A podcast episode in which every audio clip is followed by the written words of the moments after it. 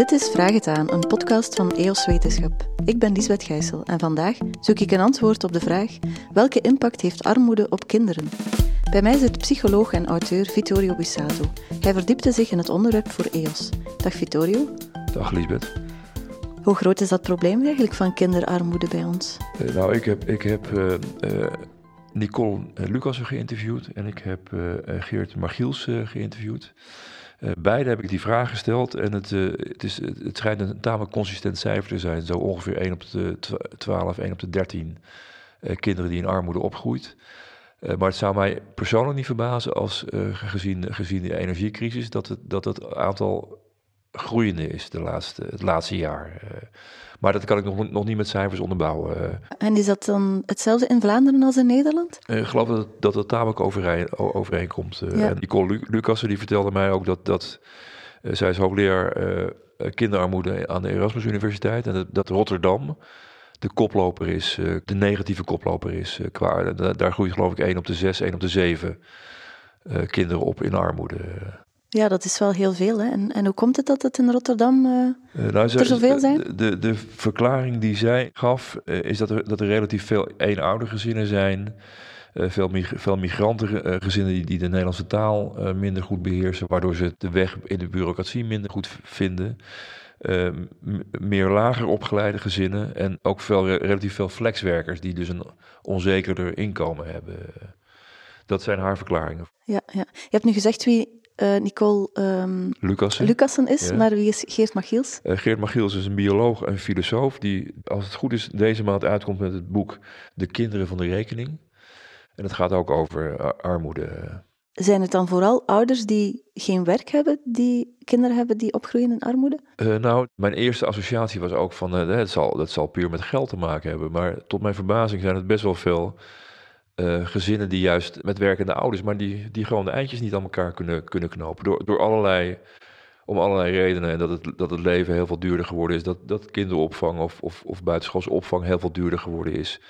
Uh, nou ja, waardoor het bijvoorbeeld niet meer zo vanzelfsprekend is dat, dat een kindje ook lid van een sportclub kan worden. Uh, armoede kan ook wel meer impact hebben op kinderen dan dat alleen dat ze niet naar een sportclub kunnen. Het zou ook impact hebben op hun hersenontwikkelingen. Hoe zit zeker, dat precies? Zeker. Uh, nou, wat, wat Nicole Lucas mij, mij vertelde is dat kinderen die opgroeien in armoede, die groeien veel meer op met, met stress.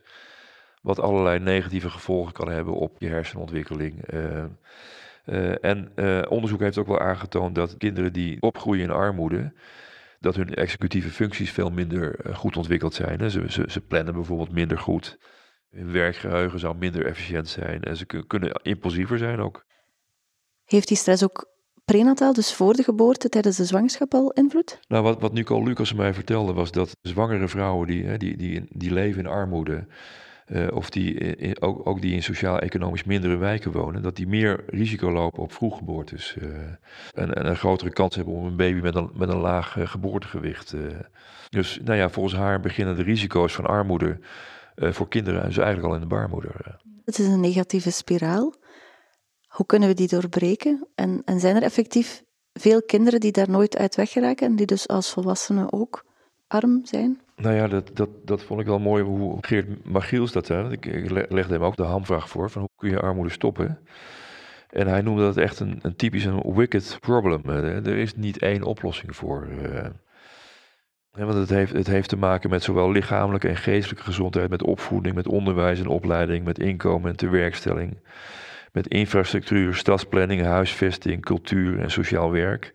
Dat maakt het ook zo moeilijk aan te pakken. Want hij, hij zegt, het is eigenlijk een bevoegdheid die alle ministeries zouden moeten aangaan. En het zou, het zou voor hem zelfs topbevoegdheid moeten worden van de eerste minister. Uh, wat heeft armoede te maken met stadsplanning? Nou ja, als, als er wijken worden, achterstandswijken waar minder ruimte is voor kinderen om te spelen, of waar het gevaarlijker is om te spelen, uh, dan, dan ontzeg je kinderen natuurlijk wel heel veel natuurlijke middelen om, om zich te ontwikkelen. Dus dat zou wel een, een, een manier zijn om dat bij kinderen te stimuleren. Veilige speelplekken, uh, misschien wat meer bibliotheken in achterstandswijken, iets dergelijks. Zijn er nog andere oplossingen die aangereikt worden door de mensen met wie je hebt gesproken?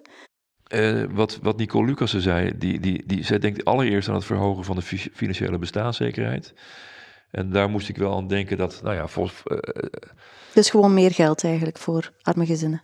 Ja, meer geld. En misschien wel, dat heeft zij niet gezegd, maar daar moest ik zelf wel aan denken. De discussie over invoering van een, van een universeel basisinkomen, toch wel interessant. En, en ja, misschien, eh, misschien zou dat inderdaad wel een oplossing zijn als de welvaart, die nu best wel ongelijk verdeeld is, eh, een stuk egaler uh, verdeeld gaat worden. En er, er moet toch een bedrag denkbaar zijn waarvoor, waarvoor kinderen en, en gezinnen in redelijke welvaart en redelijke volgeestelijke ontwikkeling zichzelf kunnen ontwikkelen, denk ik. Ja. Er zijn natuurlijk nu ook wel uitkeringen, hè, maar die zijn dan waarschijnlijk te laag. Uh, te laag en vaak ook best, wel moeilijk, best wel complex gemaakt. wat dat noemde Nicole Lucas ook. Dat zou veel toegankelijker gemaakt moeten kunnen worden. En zeker als je, nou, als je bijvoorbeeld de taal wat minder goed spreekt, dan vind je ook moeilijker je weg in dat, in dat dolen van alles, alle, allerlei subsidies en mogelijkheden die, die, er zijn om jou te helpen. Dus dat zou zeer zeker ook wel helpen. Uh, Lucasse die is toch bezig met een onderzoek naar armoede, hè? Naar, naar kinderarmoede. Ja. Wat zijn haar bevindingen zo tot nu toe? Uh, dat, is, dat, is, deze maand begonnen. Uh, sinds, sinds twee jaar is ze hoogleraar. Het eerste jaar heeft, heeft in het kader gestaan van de voorbereiding. En toen ik haar sprak, twee dagen later, zou, ze, zou het onderzoek officieel van start gaan.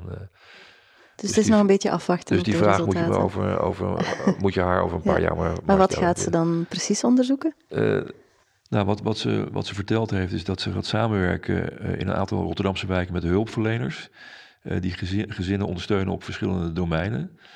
En in haar ervaring gebeurt het nog wel eens dat interventies zich richten op, op één component, hè, of op schuldhulpverlening, of op sociale netwerken die kinderen hebben, of, of alleen op, op de opvoeding. En er zou steeds meer evidentie bestaan uh, dat, dat, dat integraal inzetten op meerdere domeinen en op meerdere risicofactoren binnen een gezin, dat het effectiever zou zijn.